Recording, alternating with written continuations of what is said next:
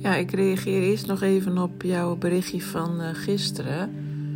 Um, en daarbij vroeg ik me dus af van um, wat jij zei, dat ik had het in, uh, in respons op die vriendinnen uh, gereageerd, zeg maar. En als je het initieert, als je er over zelf over begint, zeg maar, dan zou je meer weerstand kunnen verwachten van, uh, bij hun reactie. Um, dat is wel, dat, dat, is, dat dringt nu ook alweer wat meer tot me door. Dat had ik nog niet zo uh, bij stilgestaan. Maar ik kan me er wel wat bij voorstellen.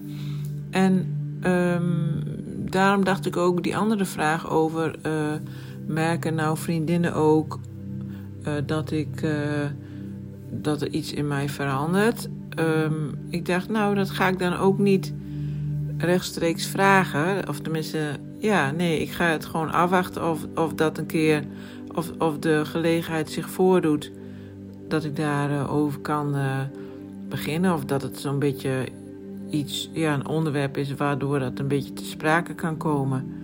Dat lijkt me dan wel een uh, goede strategie.